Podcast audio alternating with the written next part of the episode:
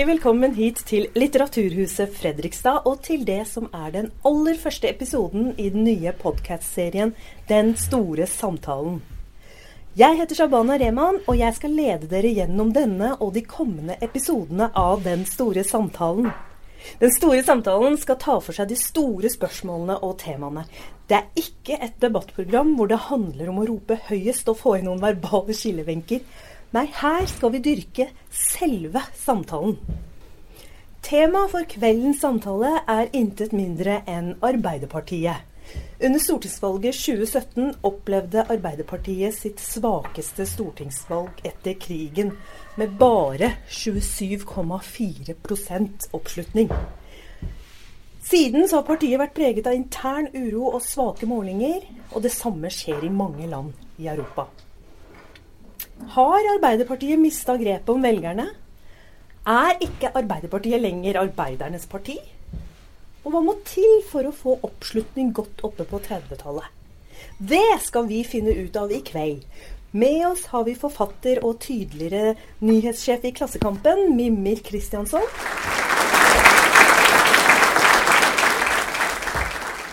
Han har skrevet boken 'Hva ville Gerhardsen ha gjort?'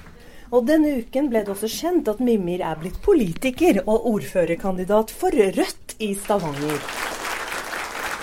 Jon Ivar Nygaard er ordfører her i Fredrikstad. Han leder et lokallag som fikk utrolige 48 ved siste valg. Jon Ivar sitter også i sentralstyret til Arbeiderpartiet. Den tredje på podiet kjenner de fleste til. Hun er nestleder i Arbeiderpartiet og heter Hadia Tajik. Hva ville Einar Gerhardsen ha sagt? en bok du har skrevet. Hva fikk deg til å skrive boken, Mimir? Nei, eh, det er litt tilfeldig. Altså, Dattera mi ble født på Einar Gerhardsens bursdag 10. mai. Eh, og jeg hadde egentlig et håp om at hun skulle ha blitt født på eh, Karl Marx sin bursdag, for det var sånn eh, terminen eh, var. Men, eh, men det var ikke mulig å, å styre det, så det, hun kom ut den 10. mai. Og i den forbindelse bestemte vi for å begynne å lese litt av det Gerhardsen sjøl hadde skrevet. Og Samtidig så var jo Arbeiderpartiet eller utover sommeren, mens jeg leste dette store fembindsverket til Gerhardsen om hans liv, så begynte jo Arbeiderpartiet å krakelere ganske grundig i den valgkampen. Og da ble jeg veldig overraska over hvor mye av det Gerhardsen skrev om sitt eget liv. Og han skriver jo dette på slutten av livet når han er 70-80 år, altså ikke når han er revolusjonær 20-åring. Hvor mye av det som for meg syntes ganske glemt i norsk politikk, egentlig over hele fjølen. Ikke spesielt i Arbeiderpartiet, men over hele fjøla. Så jeg var litt sånn interessert i å prøve å løfte opp en del av de tankene på ny. Og for meg så handler vel det kanskje særlig om det som du òg var litt inne på. Jeg tror aldri man skal bruke det ordet ressurssvak eh, om det store flertallet av folk, for det er egentlig det det er snakk om. Eh, men han hadde jo et uttrykk som jeg er veldig glad i, som han sa rett etter i krigen i en av sine tiltredelsestaler, at eh, dette skulle være en regjering for det store arbeidende folk. Og da er det altså ikke den eh, snevre snevre eh, industriarbeiderklassen, gutta med hjelm nede på verftet, men altså det store arbeidende folk, alle som var og jobba, og mange som ikke hadde jobb òg, men som tilhørte den gruppen som var avhengig av å jobbe for å leve. Og jeg tror eh, til dels at sosialdemokratiets krise, som jo ikke er særnorsk, men fins i alle land i Europa nesten, skyldes at man har mista dette båndet eh, med det store arbeidende folk som Gerhardsen og sånn var med å bygge opp. Og Det var jo problembeskrivelsen, og den er jo veldig enkel. så er jo spørsmålet løsningene på det, da, og det er jo ikke sikkert det er så lett å svare på. Så tror jeg det er veldig dumt å redusere det problemet som Arbeiderpartiet har i Norge, til noen enkeltpersoner i ledelsen. Altså, Eh, for oss som på en måte jobber som, jobber som politisk journalister, jeg har slutta med det, men for oss som har jobba med det, så kan jo sikkert sånne ting som den metoo-skandalen til Giske framstå helt sinnssykt stor. Men det er jo en bitte liten bagatell i norsk politisk historie sett bare i et tiårsperspektiv. Og hvis du ser på Arbeiderpartiets langvarige nedgang, så er det jo sånn at det beste Arbeiderparti-valget noensinne var jo i 1957. Da fikk de 48,3% som ikke er så langt under det dere får i Fredrikstad nå, forstår jeg. Eh, og så, eh, siden den gang, har det jo bare gått gradvis nedover. da, Og det har gått ganske jevnt nedover òg. Mange vil jo huske Torbjørn Jagland gikk av på 36,9. Martin Kolberg sa i et intervju nylig Han var jo partisekretær i Arbeiderpartiet før Og Han sa ny, nå nylig at han mener Arbeiderpartiet må ha 35% mens den nåværende partisekretæren Kjersti Stenseng hun bruker tallet 30 Sånn at man er på vei, Og det reelle oppslutningen var 27 sist valg. Så man er på en måte på vei nedover litt og litt. Og dette er ikke alene i Norge, dette skjer i alle andre land i Europa. sånn at det å knytte dette til uh, Norge som Jonas Gahr Støre eller Hadia Tajik har sagt eller gjort, det tror jeg er veldig dumt. Og så vil jeg jo bare si at jeg syns den er elitegreia den er veldig spesiell. fordi at jeg tror vi må være helt ærlige om at Jonas Gahr Støre tilhører den norske eliten. Og det er veldig spesielt, selv om jeg er glad i han egentlig som person og syns han er en flink fyr, så er det spesielt at det norske Arbeiderpartiet har en leder som er millionær. altså lederen i KrF er jo ikke satanist, f.eks. Altså, det er på en måte spesielt. Eh, men jeg vil jo si at eh, Hadia Tajik eh, med hennes bakgrunn representerer jo i aller høyeste grad det som er en arbeiderbakgrunn i Norge, som kommer fra en liten bygd, som har foreldre som har, kommer fra arbeiderklassen og som har jobba i vanlige yrker. Så det der å liksom lage et sånt bilde av at ledelsen i Arbeiderpartiet er så enormt sånt elite, det, vet ikke jeg egentlig om, om stemme. Og jeg tror egentlig uansett ikke det ville hatt så mye å si, for jeg tror svarene i disse tingene alltid ligger i politikken. Og når man ikke vinner valg, så er politikken ikke god nok, rett og slett. Takk. Hadia Mimir mener at Arbeiderpartiet må tørre å bruke mer statlig styring av uh, selskaper og av markedet. Han sier også at uh, i boken sin da, hva vil Gerhardsen ha gjort, at Arbeiderpartiet er grundig avideologisert, og de lange linjer og store vyer er erstattet av forlik, kompromisser og forskriftsendringer. Jeg kan i starte med å si at jeg er helt enig med Mimir i at hvis man har et problem som, som varer i mer enn liksom 48 timer, som er, man jo kan si at det har vært tilfellet med Arbeiderpartiet, i hvert fall i tilknytning til 2017-valget at Når du har et problem som varer lenger enn 48 timer, så har du ikke et kommunikasjonsproblem. Sant? Da er det substansen i det du faktisk holder på med, som folk kanskje ikke er fornøyd med. Altså Såpass selvinnsikt må man ha. Jo, men ikke sant, litt grann. Man må gå hjem og tenke seg om når man, tar, når man ikke gjør et godt valg. Uh, og jeg mener jo at Noe av det eh, vi bør bli flinkere på, og som har jobbet en del med gjennom de siste åra, som har gått, både på Stortinget og ikke minst lokalt, er at vi, vi, vi, er nødt til å ha en bedre arbeidslivspolitikk. Altså Vanlige arbeidsfolk er nødt til å kjenne at hverdagen deres ville blitt annerledes med Arbeiderpartiet. Eh, og vi er òg nødt til å ha en, en, politikk for velferd som gjør at folk ser en mye tydeligere forskjell på hva vi vil med Norge, og hva altså høyrepartier ønsker for Norge på velferdsprofitt f.eks., så mener jeg at vi som parti uh, bevegde oss altfor langt i pragmatisk retning. Altså, det er klart det finnes en del private aktører innenfor velferd i Norge i dag. Eh, og det kan være så lett å bare begynne å forsvare det bestående og si at jo, men sånn er det jo, og det er jo litt vanskelig å gjøre noe med det. I stedet for å si at jo, men det som er vårt mål, det som er vårt utgangspunkt, vi vil jo at felles velferd skal være i felles hender. Det er jo det vi ønsker å oppnå. Og så er vi jo et parti som ikke er revolusjonært. Vi vil jo ikke på en måte sånn liksom velte om på alt som måtte være innenfor barnehagesektor, f.eks., der 50% av ungene går i private barnehager. Det ville ikke vært bærekraftig å bare fjerne de private barnehagene. Men målet er at felles velferd skal være på felles hender, og vise hvordan vi ønsker å gå i den retningen der. For så har vi klart å tvinge gjennom et viktig vedtak på barnevern på Stortinget. Det klarte vi å tvinge gjennom da KrF fortsatt liksom var i flyt. Da. Dette var i gamle dager. ikke De kunne finne på å stemme sammen med venstresidepartiene. Eh, og, og, Da klarte vi å få til et, et, flertallsvedtak på at innenfor barnevern så skal de, eh, flere av de kommersielle aktørene de skal ut. Eh, og man skal ha inn flere ideelle aktører, og det er det offentlige som skal være utgangspunktet. Sånn må vi jobbe på område etter område, bare vise en helt annen retning for landet enn det høyrepartiene gjør. Og så tror jeg likevel at jeg håper å si, Nå har jo både satanister og Jonas Gahr Støre de har mange ulikheter. Men jeg vil kanskje særlig trekke fram det at en satanistisk leder for KrF ville hatt som prosjekt å undergrave KrF. Sånn, Mens Jonas Gahr Støre har jo på tross av sin pengesterke bakgrunn på tross av sin sosiale bakgrunn, tatt det aktive valget om at han mener at mer fordeling må til. Mer fellesskap må til. Og at han jobber for å kjempe for de uh, verdiene der. Og det, det syns jeg egentlig er ganske bra. Jeg synes det er tøft. Det ble nylig klart at en del av de ufaglærte og lavtlønnede stillingene de går til innvandrere. Dette fører til at lønnsveksten stopper opp, og de som ikke har utdannelse, kan ende opp som arbeidsledige. Dette kan skape utenforskap og være begynnelsen på en ny, permanent underklasse som ikke tar del i utviklingen mellomklassen nyter godt av. Og det kan skape økte motsetningsforhold i samfunnet og friksjon mellom grupper. Hvordan kan Arbeiderpartiet motvirke denne dynamikken? Mm. Altså det man ser uh, Når det gjelder lønnsveksten, det er jo at eh, de arbeidsfolka som har lavest lønn, og som i dag opplever at den lønna strekker mindre og mindre til. altså Kjøpekrafta deres blir dårligere. De klarer ikke å henge tritt med det som er av prisvekst ellers i samfunnet. Ting blir dyrere, men lønna liksom enten står på stedet hvil, eller nesten de opplever at den går, går bakover, blir, blir, mindre verdt. Eh, de arbeidsfolka der de, har, de, befinner seg typisk innenfor en del bransjer eh, der det ikke er ordna forhold. At, at, det ikke er ordna arbeidsforhold på den måten at det er svake kontrakter, dårlige kontrakter, midlertidige kontrakter, innleiekontrakter, deltidsarbeid, lite forutsigbarhet for arbeidshverdagen, i tillegg til at det er en låg andel organiserte. Og så vet vi også at en del av de bransjene er, der er det mye folk med eh, innvandringsbakgrunn fra EØS-land, typisk òg, som jobber. Altså At det kommer folk eh, fra Øst-Europa eh, med, med, de beste hensikter, vil jobbe i Norge eh, og gjøre et ærlig arbeid.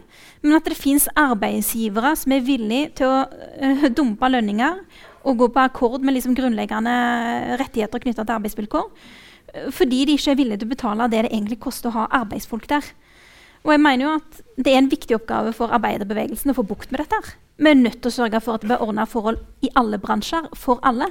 At det er mulig å ha fagorganisert uansett hvilken arbeidsplass det er du, er, det er du har. Men, Men er det for risikofylt for et, et, parti som Arbeiderpartiet å begynne å, å tale eh, arbeidsinnvandrernes sak? Nei, jeg tror ikke det. Og jeg, altså, i Norge er det jo sånn at hvis vi får et B-lag i arbeidslivet, det har vi allerede fått i enkelte bransjer, altså et lag av folk som blir behandla dårligere, risikerer dårligere lønn og dårligere arbeidsvilkår, så smitter det på resten av arbeidslivet. Det er ikke sånn i landet vårt at uh, hvis du bare behandler den gjengen der, de innvandrerne der, dårlig, så kan andre arbeidsfolk ha det bra. Snarere tvert imot. Vi risikerer at arbeidsvilkårene i, i, norsk arbeidsliv generelt at de blir dumpa hvis vi ikke klarer å, med, altså, klarer å være på parti med de som eh, er spesielt utsatt. Enten det er, og det er verdt å knuse et glass for å understreke det poenget.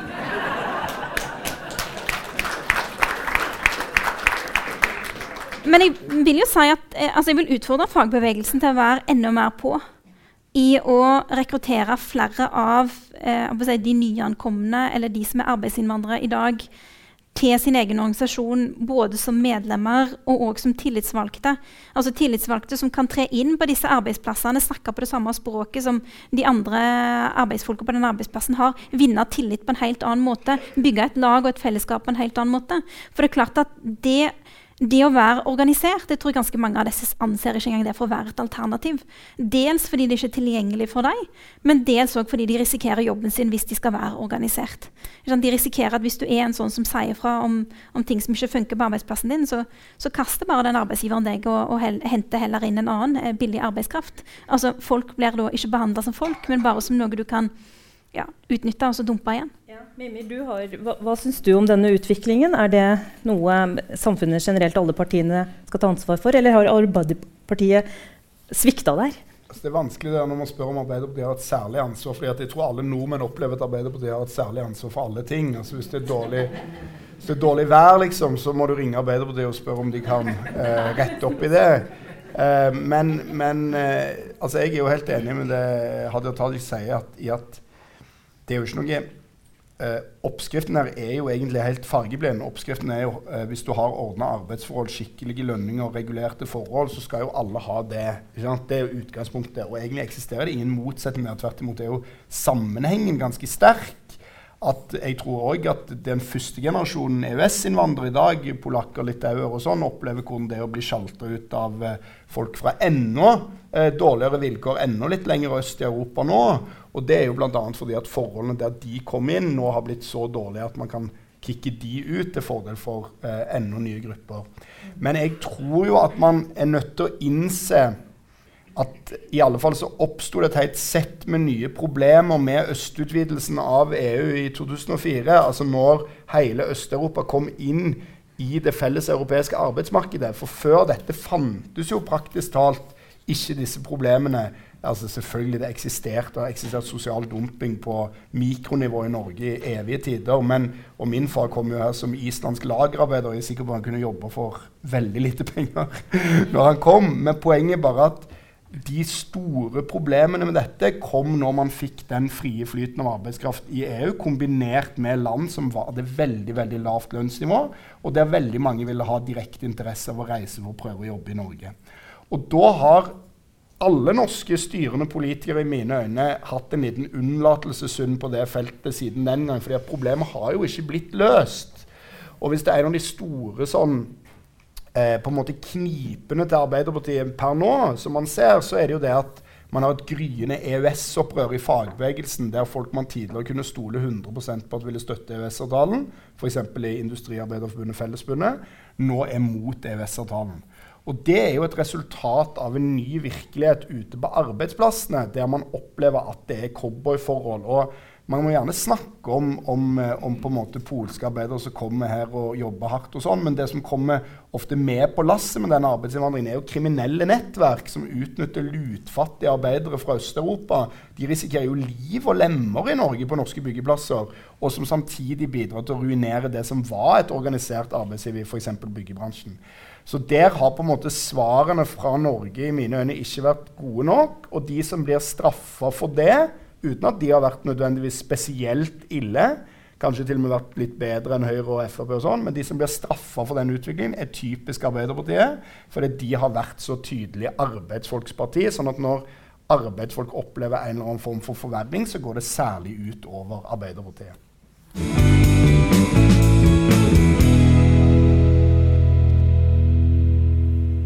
Siden vi er på et vaskekte litteraturhus, må vi jo ha litt poesi.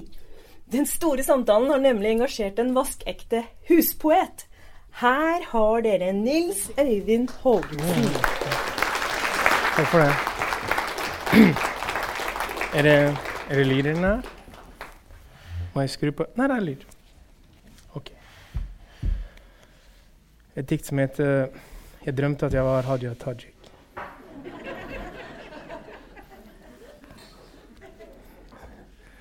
Er det morsomt? Jeg drømte at jeg var Hadia Tajik og nestleder i Norges største parti. Jeg var rotnorsk og erkepatriot og glad i turer på ski. Jeg fikk til full sysselsetting og alle barn i skolen. Ordna lik lønn for likt arbeid og satte bøkene rett vei i reolen. Jeg drømte at jeg var Hadia Tajik og var virkelig på glid der fikk verden bort fra fossil avhengighet og over på fornybar energi. Jeg drømte at jeg var Haja Tajik og turnerte med Bruce Springsteen. Vi spilte I'm On Fire og Dancing in the Dark og Born in Bjørheimsbygd. Det var konge, det var kanon. Det var bare helt sykt. Ingen vinner, sang vi. Før alle vinner. Jeg drømte at jeg var Haja Tajik. Og alle sa vi liker deg bedre nå som du er kristen og middelaldrende og mann. Hvorfor tenkte du ikke på det med en gang? Jeg drømte at jeg var Haja Tajik, og plutselig ble det et mareritt. For plutselig var jeg kvinne og muslim og ikke verdt en dritt. Takk.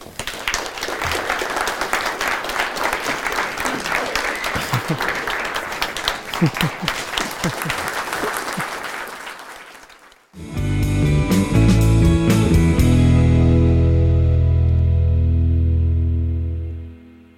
Ivar Nygaard, hva er det dere har gjort riktig? Det er sikkert mange ting vi har gjort riktig. Det ene handler selvfølgelig om eh, struktur og tradisjon i uh, sosialdemokratiske kjerneområder som Nedre Glomma er. Men det handler også om at vi er veldig nær folk i hverdagen vår. Har tett uh, samhandling med både næringsliv og fagbevegelse. Har en vital partiorganisasjon hvor vi har store prosesser, ressursgrupper. Vi hadde 100 mennesker i partiet som var med å utforme partiprogrammet her lokalt hos oss. Uh, og prøver å være et uh, bredt folkeparti som uh, tar ansvar for utvikling av byen her, ansvar for utvikling av næringslivet her, men ikke minst også fører en offensiv politikk for å ha en sterk offentlig sektor, en sterk kommune, Sørger for å være veldig tydelig på at vi ikke skal ha konkurranseutsetting, privatisering. Organiserer heller ting inn i fellesskapet, inn i kommuneorganisasjonen, enn å sette det ut i det private markedet. Så en veldig tydelig progressiv sosialdemokratisk politikk er vel det som kan oppsummeres. Men jeg har lyst til å legge til at uh, jeg, er enig i at, enig i at vi har en utfordring i Arbeiderpartiet. og at vi har, det, det, det, er ikke vanskelig å være enig i det. Men hvis man ser uh, på tallene gjennom de siste tiårene, så er det sånn at vi hadde et betydelig verre valg i 2001. Uh, eh, da var det krise. og vi har hatt perioder etter det hvor vi har lagt rundt 30% Det har vært normalen. Og så hadde vi vel 36-37 på våren det året som vi hadde valget i 2017, og fikk 27,4. Og nå har vi målinger rundt 30% igjen. Så det betyr at uh, det er en utfordring for Arbeiderpartiet å få grep om større velgermasser enn det som ligger rundt nå. Det må vi kunne si. Men det er heller ikke sånn at uh, den beskrivelsen av sosialdemokrati i krise som vi ser ute i Europa, passer på Norden. Fordi de nordiske sosialdemokratiske partiene gjør det betydelig bedre. De ligger rundt 30 eh, Og det må jo bety at vi gjør også noe riktig. Men selvfølgelig, vi er ikke fornøyde med det. Vi vil lenger, og vi vil nå lenger. Eh, derfor sier Kjersti at vi må ha over 30 eh, Vi skulle vel gjerne vært enda nærmere Fredrikstad på nasjonalt plan, men det tror jeg sitter litt lenger inne. da. Det må vi ha litt lengre ambisjonstid på det. Mimi. Jeg vil bare først uh, si at Det som jeg tror er veldig riktig, som du sier, den der nærheten til folk, det er det som er helt unikt med Arbeiderparti-prosjektet i norsk historie som partiprosjekt, er jo hvor utrolig tett det har vært på folk. og Ofte så tilskrives jo dette sånne mytiske evner som Einar Gerhardsen hadde. Det finnes mange versjoner av den anekdoten, men den mest vanlige er kanskje sånn at for å vite hva folk syns, så trengte Håkon Lie bare å åpne vinduet på Youngstorget. Einar Gerhardsen trengte ikke åpne vinduet engang.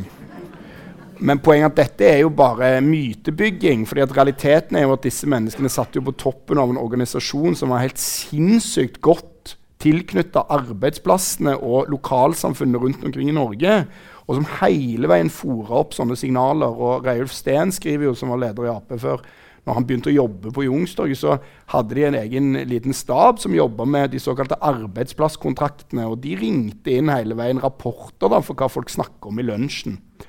Og det der kan jo, I muslimske miljøer ville man jo kalt dette sosial kontroll, men, eh, men det funka veldig bra for Arbeiderpartiet en periode. Og det er jo der de stedene Arbeiderpartiet lykkes eh, med å holde grepet, syns jeg, virker til å være de stedene der dette ennå på en måte, man ennå er liksom nær folks hverdag og deres behov. Mens kanskje den avstanden opp til toppen i Arbeiderpartiet har uh, virket til å ha blitt større over tid. Da. Og så vil jeg bare si det der med Arbeiderpartiet og de andre sosialdemokratiske partiene i Europa, så er det riktig det at det går bedre i Norden. men altså, jeg har sett på de tallene her, og det, de, de, det fallet til Arbeiderpartiet er ikke noe Siden starten av 80-tallet har Ap falt helt på snittet av sosialdemokratiske partier i Norden. Det er bare det at Ap falt fra et høyere nivå. Sånn at Ap har alltid gjort det bedre i altså Ap også sossene i Sverige og sosialdemokratene i Danmark de har alltid gjort det bedre. Og litt i Tyskland og sånn. Men så har de falt fra det høyere nivået. Men de faller akkurat like mye som de andre partiene, minus sånn PASOK, som er helt sånn ja, i Hellas, men helt utradert. Men det jevne snittet i Europa så er fallet faktisk deprimerende likt. Det er bare det at det begynte mye bedre enn det gjorde i mange andre land. Så det er litt bekymringsfullt. Men jeg tror man skal likevel være litt forsiktig med å være for deterministisk og dommedagsorientert her. Altså, som Jon Ivar var inne på, Vi gjorde jo ikke et spesielt godt valg i 2001. Og da var det ganske mange som var kjapt ute med å på en måte konkludere med at de mente at nå har ørnen landa. Altså ørnen blant partier, Arbeiderpartiet, nå har de landa, nå kommer de aldri til å reise seg igjen. Det vil aldri bli som før, på sett og vis. Eh, og det en av de, de si, gamle anekdotene er jo fra da hos oss er det jo sånn at Avhengig av hvordan meningsmålingene er, så sender man ut uh, ulike personer til å kommentere på dem. Og jo, jo, dårligere målingen er, jo lenger ned går du. Og, og I uh, rundt 2001 så hadde vi målinger ned på 14% og da var det kvinnepolitisk leder som ble sendt ut. Og hennes kommentar var at uh, ja, det eneste som er sikkert, er at det slutter på null. så det sier jo noe om, liksom, hva, si, om hva slags tanker vi hadde om oss sjøl på den tida, eller hva vi tenkte ville være mulig, og ikke minst hva andre trodde ville være mulig på våre vegne. Eh, men jeg tror at vi gang på gang har vist nettopp det, at vi er i stand til å reise oss igjen. Men det, det, klart, det forutsetter jo likevel en sjølinnsikt. Det er ikke sånn at det er noen automatikk i at ethvert fall i Arbeiderpartiet vil følges av at man reiser seg igjen, med mindre man, man gjør den nødvendige øvelsen og går tilbake igjen, tenker, seg om, tenker nytt om en del ting. Og man, kanskje kan det òg innebære at vi organiserer oss på andre måter enn det vi gjør i dag. Men jeg mener jo at for måten dere jobber på her i Fredrikstad Univer og måten dere lager politikk på, eh, er jo et veldig godt eksempel på hvordan vi bør gjøre det flere steder, og som, som vi gjør en del steder. Men, men der dere i hvert fall setter et veldig godt eksempel da, for hvordan vi burde jobbe. Ja, jeg, jeg, tror det er et eksempel som flere kan uh, dra nytte av. Og så er det jo litt sånn det blir litt sånn mytisk. ikke sant? Fordi, uh, ja, Hva er eliten, og hvem er det som ikke liksom, uh, representerer arbeiderklassen? Altså, Jeg sitter ved det samme bordet som Hadia i sentralstyret. og jeg har jo god forankring i det som skjer her i Fredrikstad. Og jeg er ikke alene i det sentralstyret med å ha den forankringen. Så hele vår partistruktur bygger jo på at vi har forankring ute, og føler ute. Men det er selvfølgelig ulikt hvordan man jobber ute i det enkelte kommuneparti. Men jeg vil også understreke, uten at jeg skal ikke si at vi har noen sånne lytteposter hvor man rapporterer ukentlig inn til mitt eh, kontor fra arbeidsplassene, men vi har veldig god kontakt med LO og arbeidsplassene i Fredrikstad gjennom det. Eh, og samhandler veldig bra med LO. Vi har jo et faglig politisk samarbeid her nede i Østfold som det er veldig eh, veldig tradisjonelt på mange måter, men som har klart å videreutvikle seg og henge med og være relevant også i nåtid. Og det er eh, ingen hemmelighet, og det vet jeg, og det sitter noen høyrefolk i salen her og som frykter det. Det er jo en voldsom maskin, det, når vi drar i gang hele bevegelsen. Både de fagorganiserte og det politiske delen av arbeiderbevegelsen. Og den, eh, den, De båndene har vi ikke mista her i Fredrikstad, og det er vi veldig stolt av at vi ikke har gjort. Er det, Mimir, du ba om ordet. Er det for sent i andre deler av landet, i Oslo f.eks., med så mye segre segresjon og utenforskap? Jeg tror jo at, at, det er veldig eh, skadelig. Det tror jeg man ser i Europa på denne måten. At det er skadelig for sosialdemokratiet når folk blir splitta av ulike eh, interessemotsetninger som gjør det vanskelig å beholde en form for sånn brei klassesolidaritet. altså jeg tror, alle, jeg tror, alle, er enige om at når valg handler om innvandring, så lykkes ikke sosialdemokratene så godt som de gjør som når valg handler om velferd og arbeid. Sånn at, eller når, når, det blir en sånn splittelse knytta til ung, gammel eller by, land. Alle disse tingene har sosialdemokratiet, og det skal de ha stor ære for. De har alltid prøvd å, å forene. Uh, men det er aldri umulig, selvfølgelig. Og jeg tror bare det er viktig å huske at når, når, folk er så interessert i Arbeiderpartiet, så skyldes det jo at det store flertallet i Norge egentlig føler at Arbeiderpartiet er litt deres parti og at det er et parti som de kunne vurdert å stemme på, eller kanskje har stemt på, eller har foreldre som har stemt på, eller noe i den dur. Sånn at det at Arbeiderpartiet på en eller annen måte skulle ha liksom gravlagt sin appell i Norge, det er veldig rart. Uh, veldig rar tanke for meg. Men jeg er jo enig i det Hadia Tajik sier når hun sier at en sånn snuoperasjon krever jo en sånn innsikt. da. Det som jo kanskje var enklere i 2001, var at det var veldig enighet om problembeskrivelsen. Altså Partiet hadde gått for langt til høyre. Så snudde man tilbake i fagbevegelsen, fagbevegelsen, fagbevegelsen, samarbeid med SV og Sp. Og på en måte alle var enige om det. Mens nå spriker nok litt mer forklaringen på hva problemene er, i litt større grad. Og da er det desto vanskeligere jobb å skape den der greia. da. Men jeg kan jo peke på to ting da, som jeg tror er, er veldig viktige. Og det ene er at jeg er helt enig. altså Jeg er en person som har deltatt litt i den debatten om hva som er eliter. og sånn, og Den kan ofte være litt eh, karikert og alt mulig. og Jeg har sikkert bidratt til det sjøl òg. Men jeg bare jeg tror at hvis Arbeiderpartiet ikke har noen svar på, eller interesse av å finne svar på, en slags idé om hva slags klassestruktur man har i Norge, hvem som har og ikke Dette kan du formulere på 100 mulige måter, men man er på en eller annen måte nødt til å forsøke å finne ut hvem er dette partiet til for. Dette er jo det eneste partiet i Norge som har en sosial klasse i navnet sitt. Det er jo veldig forpliktende, da, tross alt, til den måten å tenke om folk på. Sånn at Hvis man ikke har noen analyse av hva er da i så inkluderende forstand som mulig den arbeiderklassen vi skal mobilisere i dag, hvis man ikke forsøker å finne ut av det, da tror jeg man sliter. Så det, Der er det liksom et, et, problem tror jeg, for Ap. Og der tror jeg oppfatningene spriker veldig. Og Det andre er synet på det med kompromisser. fordi at Arbeiderpartiet begynte jo veldig veldig tidlig å kompromisse. Eh, det skjedde jo sannsynligvis allerede på 20-tallet. var man i gang med det, Selv om det sto noe om revolusjon og sånn i programmet ennå til et stykke ut på 30-tallet. Men man var jo i gang med å kompromisse og holde på. Men jeg vil jo oppfatte, hvis sånn som jeg leser f.eks. Gerhardsen, så var liksom retningen veldig, veldig, veldig klar. Og så var det på en måte en diskusjon om den såkalte langsomme revolusjonen, som eh, de kalte det. At man gikk liksom skritt for skritt i denne retningen. Mens i dag så opplever jeg at det tidvis er litt sånn retningsforvirring. Og at det kompromissgreiene har blitt en slags Det har erstatta en slags sosialdemokratisk ideologi. Nå blir det veldig det, det, det mørkt fra meg, altså beklager det. Får bare ta det som det, men det får skape litt liv her nå. Men, men poenget er i alle fall at du, du tenker at det har i hvert fall Jeg får noen ganger en følelse av at kompromisset er hele poenget med partiet. At Når man spør folk hvorfor er du med i Arbeiderpartiet, det er fordi gode løsningene finner vi når vi kompromisser. Så det er sånn, men det er ikke sånn et godt kompromiss blir til. Det, nei, men det er, jeg, har, jeg har faktisk noen sitater her, altså. Men, men nei, det er som Marte Gerhardsen da var sjef i Agenda, at sosialdemokrati alltid handler om å finne gode kompromisser. Men sosialdemokrati har ikke handla om det alltid. Sosialdemokrati handler om at arbeidsfolk skal ha det bra, og så har det leda til noen kompromisser. Sant? Men det er liksom ikke det samme. Og jeg bare ser høyresida. De tenker jo helt motsatt. De har en veldig klar retning. Privatiser alt, virker det av og til som deres opprinnelige mening. Men så skjønner de at vi får ikke privatisert dette og dette og dette i dag. Så da tar vi tilbake med det neste valg. Sant? Og bare, ja, Min opplevelse av dette er for sånn der, hvis du ser på antallet ting de har foreslått igjen og igjen siden 1980 Høyre og Frp har tapt hver gang og foreslår igjen og igjen.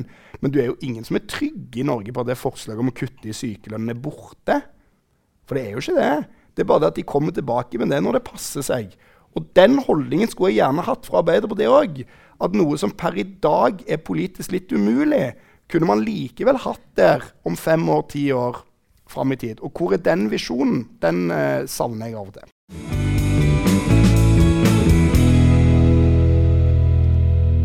Vi skal ha en liten, eh, liten pause i samtalen med et dikt til. Er dere klare for det? Ja? Vær så god, vår huspoet. Ja, takk. Ja. Det er lyd igjen. Magisk. Dette diktet heter bare 'Det norske Arbeiderparti-diktet'. Det enkle er ofte det beste. Det første jeg husker fra da jeg var liten av det norske Arbeiderpartiet, er voksne menn. Så mange voksne menn i dress og slips i TV-ruta. Så mange navn på så mange voksne menn. Oddvar Nordli med 1D. Trygve Bratteli. Gunnar Berge. Bjartmar Gjære. Guttorm Hansen. Halvor Bakke. Einar Førde. Ronald Bye. Reiulf. Sigbjørn Johnsen. Torbjørn Berntsen. Herregud, Torbjørn Berntsen. Og så Torvald. Torvald Stoltenberg. Som navn på norske elver, norske fjorder og norske fjell. Hadde jeg fått en sønn på 70- eller 80-tallet, skulle han hett Gunnar Trygve Bjartmar Guttorm Ronald Reiulf Torvald. Oddvar med én D. Nakken Haagensen. Men hadde jeg fått ei jente, skulle hun hett Gro. Og jeg skulle holdt henne inntil meg. Jeg skulle løfta henne i været og sagt som Emil Emil Du og jeg, Gro. Bare vi to. Og får jeg nattpåklatt en dag, så blir det Jens. Så klart det blir. Hei, Jens. Hele Norges Jens. Eller halve, da. Eller en tredjedel. Eller litt under en tredjedel. På 20-tallet iallfall. Vi får se. Vi får alltid se. Det neste jeg husker av Det norske Arbeiderpartiet, er barn. Er barn og ungdom på båten over. Så mange barn og ungdom på båten over. Med ryggsekker og soveposer og telt. Så mange navn på så mange barn. Som Tor Eikeland og Håvard Vederhus og Lene Maria Bergum og Guro Vartdal Håvold og Victoria Stenberg og Ronja Søttar Johansen og Ruth Benedicte Vatna Nilsen på bare 15 år og Sharidin Svebakk Bøen på bare 14. Å, nei, jeg orker ikke mer. Men jeg husker Mor min har bursdag 23. juli. Og jeg husker jeg ringte henne på dagen, dagen etter for å gratulere. Og hun sa å nei. Nei, nei, nei. Nå er alt ødelagt for alltid. En gang var de kjedelige og uforståelige Arbeiderpartiet.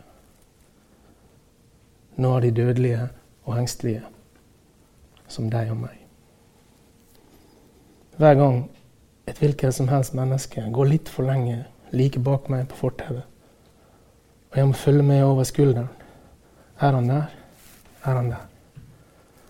Er jeg i Arbeiderpartiet?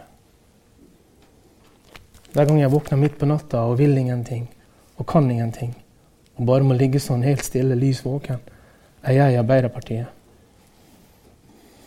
Hver gang noe ikke helt stemmer, og jeg vet ikke hva det er, og jeg vet ikke hva jeg skal gjøre for å finne ut hva det er. Jeg vet bare at det er noe som ikke stemmer. Og jeg vet at det har noe med meg å gjøre. Er jeg i Arbeiderpartiet? Sist sommer, i Stratford upon Avon, William Shakespeares fødeby, så jeg en svane i kveldsmørket. Det så ut som et halvt hjerte. Et halvt, lysende, skimrende hjerte.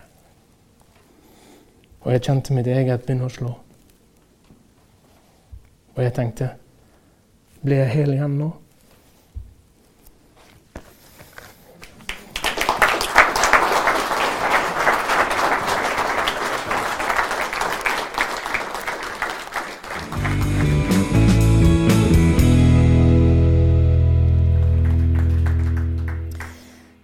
Tilbake til den store samtalen her fra Fredrikstad litteraturhus. Eh, Mimmi, du snakket om, eller etterlyste den eh, visjonen til Arbeiderpartiet.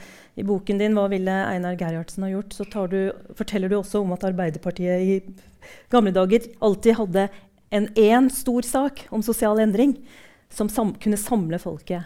Eh, Hadia, hva er visjonen til Arbeiderpartiet for vår tid? Er det en, en stor sak om sosial andre, endring vi kan samles om?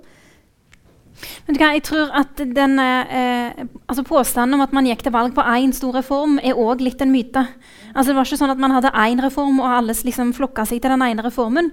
Men det er klart at man, altså et, et arbeiderparti må alltid ville noe på vegne av folk.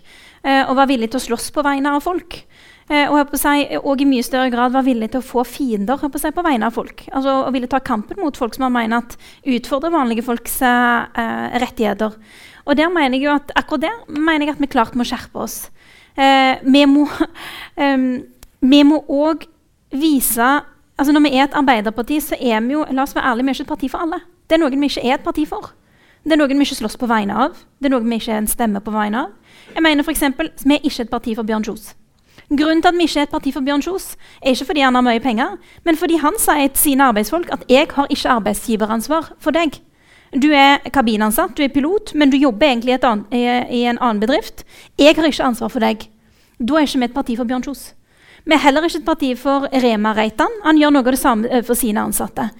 De har arbeidsgivere som har styringsrett over de, men som de ikke kan forhandle med.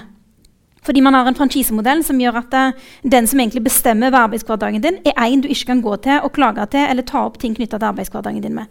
Så du har ikke makt over din egen arbeidshverdag i møte med han og den makta som han representerer. Vi er ikke et parti for Rema Reitan. Og det å våge å ta noen flere litt sånn tydelige konflikter med folk som òg truer vanlige arbeidsfolk, lønnsmottakere sine interesser, det syns jeg vi skal være mye flinkere til. Jeg tror òg at det vil vise nettopp det at vi har en retning for arbeidet vårt. At vi tar kamper på vegne av vanlige arbeidsfolk.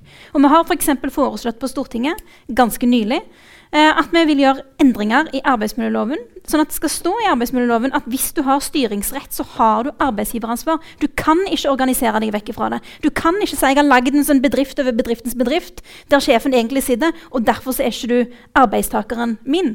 At du ikke skal kunne gjøre det. Um, og jeg tror at Ved å jobbe på den måten og vise fram politikken på den måten, så, så klarer vi å vise hvem det er vi er et parti for, og hva slags samfunnsendringer vi er, er drivere for. Og hvem som på sett og vis egentlig ikke, hva skal jeg si, som, som ikke trenger det fellesskapet som arbeiderbevegelsen utgjør. Eh, du sa selv i stad at du ikke har nevnt innvandring i, i, boken din. Er det en spesiell grunn til det, eller er det fordi at du ville utfordre Arbeiderpartiet på andre saker? Er Arbeiderpartiet også for utydelige på, på innvandring? Nok, eh, jeg tror ikke altså, det, er vel, det, er mulig at det er nevnt, altså, men det er, det er veldig sparsommelig behandla, fall, uansett poenget. Og litt av grunnen til det er at jeg tror ikke det er kjernen i Arbeiderpartiets utfordringer.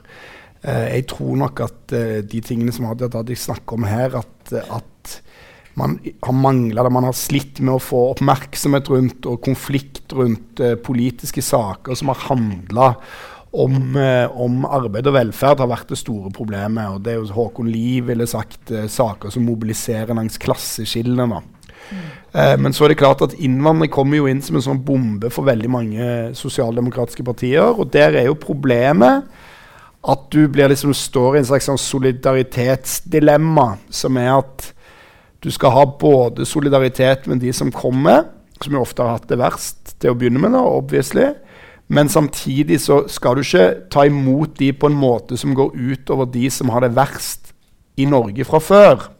Og det siste der, den testen, tror jeg vi som samfunn har strøket bitte litt på. Jeg tror det er enda mye verre rundt omkring i Europa. Og det kom jo nettopp en sånn rapport fra eh, Frisch-senteret som jo viser at konsekvensen av stor innvandring i Norge har jo vært at mange i, i middelklassen har jo fått det bedre fordi at det er billigere å pusse opp bad enn det var før.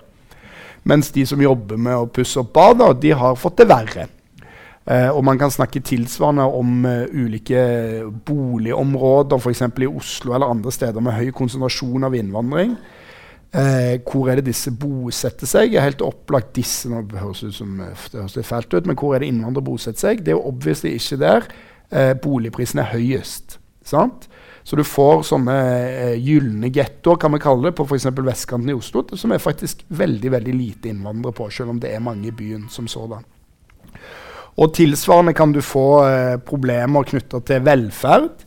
som er hvis, Dette er jo mer hypotetisk i Norge, men hvis du har en veldig stor innvandring til et land, så kan man risikere at det blir vanskelig med velferdsordninger finansiere de osv. Dette er helt reelle problemstillinger, men de er litt fjernt i Norge akkurat nå. Og da er det jo mye verre for de som er avhengig av den offentlige velferden, at du risikerer å måtte kutte inn trygdeordning, selvfølgelig, enn det er for noen som har det såpass bra at de ikke er så avhengig av trygd i utgangspunktet. Så der er sosialdemokratiet og venstresida i alle sine fasonger i et litt rart dilemma. Og da er jo spørsmålet kan du finne noen annen enkel løsning på dette og jeg tror egentlig at det å finne en enkel løsning på det er ganske vanskelig. For jeg tror at du er nødt til å på en måte stå på at du har en eller annen form for solidarisk innvandring. Eh, altså Som er på en måte at du har innvandring, men at den ikke går utover de som har det eh, dårligst fra før. Og Der vil jo jeg bare berømme for min egen del da, det arbeidet som Ap har gjort med det integreringsutvalget, innvandringsutvalget det, som han leder av han Masud Gharahkhani, som jeg syns egentlig var veldig et forsøk på å ha en prinsipiell debatt om dette. her da. Der man legger til grunn noen prinsipper om sosial likhet, om demokratisk kontroll osv. Og, så videre, og, så prøver man å si hva er en sosialdemokratisk innvandringspolitikk, framfor at man skal løpe om kapp med ja, partier til venstre for seg eller partier til høyre for seg om å være liksom mest mulig liberal eller mest mulig streng. Men i stedet prøve å finne en egen retning. Da. Men for å si det sånn, så har ikke jeg liksom noe sånn jeg, altså, hadde jeg visst dette, hvordan man skulle løse dette, så skulle vi ha gjort det for lenge siden. Så, men eh, det er i hvert fall mine tanker om den eh, problemstillingen. altså. Men jeg tror du er inne på noe relevant når du snakker om demokratisk kontroll. fordi jeg, jeg tror, og dette er mitt inntrykk, eh, at en del av den fortvilelsen som finnes knytta til innvandring, altså når man, når man, mener, og noen mener at det kommer for mange, og at man ikke har kontroll over det, så er det en slags følelse av at det skjer en samfunnsendring, og den skjer over hodene på oss. Og vi får ikke være med på å bestemme det. Og noen har bestemt det. Hvordan ble det sånn? Hvorfor ble det sånn? Eh, og denne følelsen av avmakt som knytter seg til det, og det er, det er en eh, følelse av avmakt som man ha, kan ha knytta til økt innvandring som man føler man ikke har kontroll over. Men det kan òg handle om teknologiske endringer knytt, altså som skjer på arbeidsplassen din. Jobben din endrer seg. Du har ikke bestemt at den skal endre seg. Du har ikke innflytelse over at den endrer seg. Altså, det gjør noe med arbeidshverdagen din, og den, det skaper en opplevelse av avmakt over din egen situasjon. da. Og jeg tror at eh, Vår oppgave politisk også er å sikre at det faktisk er demokratisk kontroll. At man, at man fatter politiske beslutninger som har betydning for f.eks. hvor mange kommer til Norge, hvor mange reelt sett ender opp med å få opphold her, hvordan håndterer man de som kommer hit. Og Vi må jo huske at hele det systemet man har, ikke bare i Norge, men internasjonalt knytta til asylinnvandring f.eks., det stammer fra en tid der det var enkeltpersoner og enkeltfamilier som var på flukt. Det vi ser i dag, er jo store folkegrupper som er i bevegelse. Så man har altså et system fra en helt annen tid eh, som vi rett og slett ser at under gitte omstendigheter Sånn som f.eks. Eh, under Syriakrisen, når man så at det kom en migrasjonsbølge. Folk hadde det ikke bra. Uh, og i sin fortvilelse så la de seg ut på en, på en, reise over Middelhavet med risiko for liv og helse og framtid, og, og, og, og, mange døde sånn, for, i håpet om å kunne skaffe seg selv og familien sin et bedre liv. Systemet funker, funker ikke, for folk dør av det. Og da er vi nødt til å ta noen politiske beslutninger som betyr noe for hvordan skal vi, hvordan skal vi heller ha det. Eh, sånn at folk, kunne, eller at for at folk ikke skal risikere livet sitt på den måten i det omfanget som vi ser at skjer i dag. Det er jo noe av det som Masud eh, Gharahkhani sitt utvalg i Arbeiderpartiet har prøvd å ta opp. Eh, og har prøvd å si noe om at vi må klare å se både asylinnvandring, kvoteflyktninger, se det litt i sammenheng. Prøve å sikre at det er kvoteflyktninger som som, altså som, blir prioritert. Da. Fordi det er de som er i en så ekstrem og fortvila situasjon at de kan ikke engang betale seg ut av flyktningleiren. De kan ikke begi seg ut på en, eh, på en, lang eh, flukt inn til Europa, for å ikke si Nord-Europa, altså Norge. Uh, og at vi er nødt til å legge om dette, her, ikke bare i Norge, men òg i europeisk sammenheng. Så det er Punkt nummer én er demokratisk kontroll. Altså, Vi må politisk bestemme hva vi vil ha. Det andre er at jeg syns at Norske politikere på venstresida, Arbeiderpartiet inkludert, vi klarer innvandrings- og integreringsdebatten så lenge den handler om økonomiske forskjeller. Så det lenge den handler om jobb og bolig og skole. Men i det øyeblikket den handler om kulturelle forskjeller, så syns jeg ikke vi er flinke nok. Det er akkurat som vi ikke kan det godt nok, eller tør det nok, eller ikke vil gå inn i det. Eller, og det, dette er det verste av alt. Det er de gangene jeg møter partifeller som sier at men det er ikke vår debatt.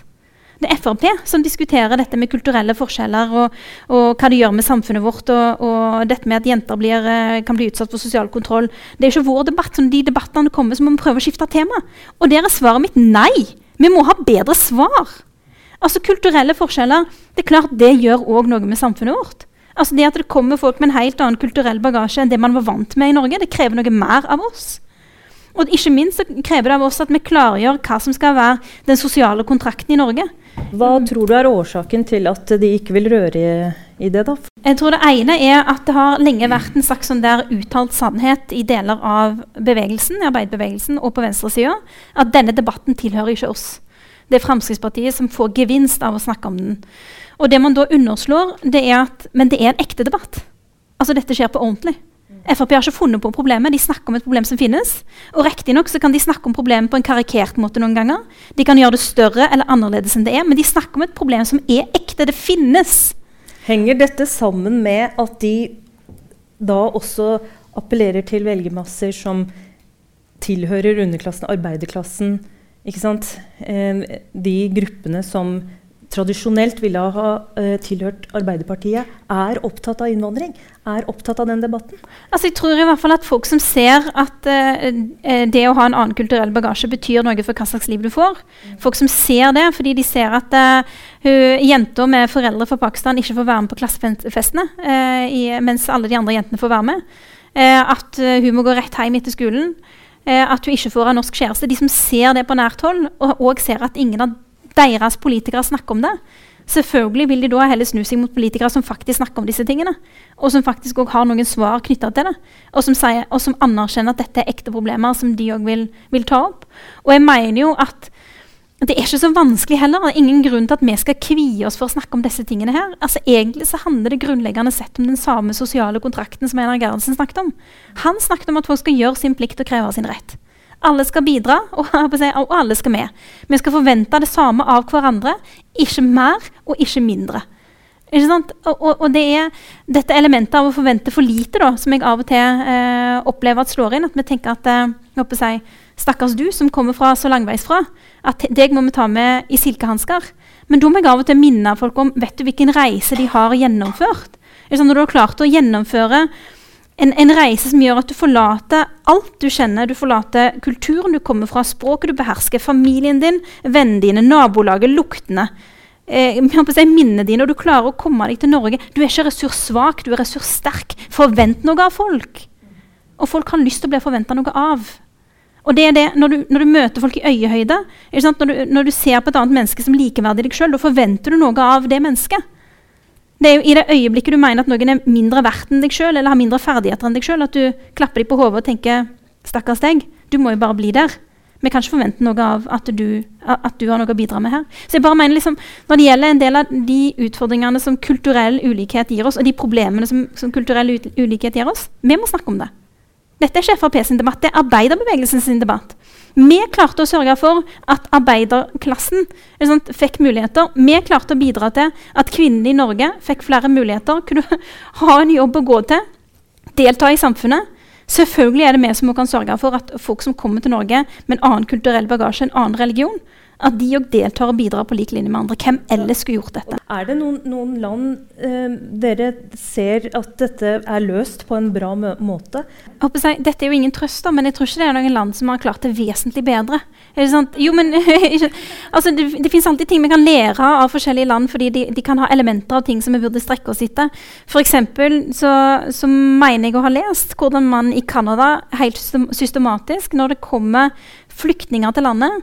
Eh, å, eh, altså at man prioriterer å bygge et nettverk rundt den flyktningen. håper jeg, At vedkommende blir adoptert av jeg vet ikke om det er fem stykker eller ti stykker. Altså, altså At det er et ant visst antall mennesker som føler eh, ansvar for og nærhet til eh, et nytt menneske som kommer til, eh, kommer til det landet og til det lokalsamfunnet. Og det er klart at Den type ting vil kunne bidra til økt integrering. Eh, på samme måte som vi mener at bare det å, å forandre hva jeg, måten vi møter mennesker på når de kommer til landet, òg har betydning. At vi fra det øyeblikket får komme til Norge, har uh, det klare utgangspunktet om, om, at vi nettopp det, at vi forventer noe av hverandre. At vi, vi vil at alle skal være med på å bidra.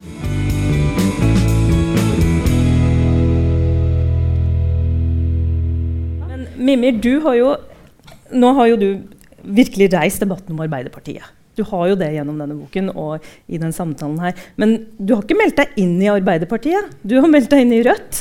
Det ble litt sånn etterpåklokskapen her, for jeg skrev den boka, så hadde jeg egentlig ingen planer om å bli med i Rødt igjen. sånn at jeg har alltid stått litt, tror jeg, med én fot i Ap og én fot i Rødt. Det høres kanskje litt rart ut. Stått på en måte i spagaten over SV, men, men det høres kanskje rart ut. Men, men, jeg, men det har liksom vært på en måte om det handler litt om strategi, liksom. Du vil vel i det, store og det hele ganske mye av det samme, men skal du jobbe innenfor et slags sånn systemforandrende parti, eller skal du på en måte prøve å presse ting litt utenfra? Ja.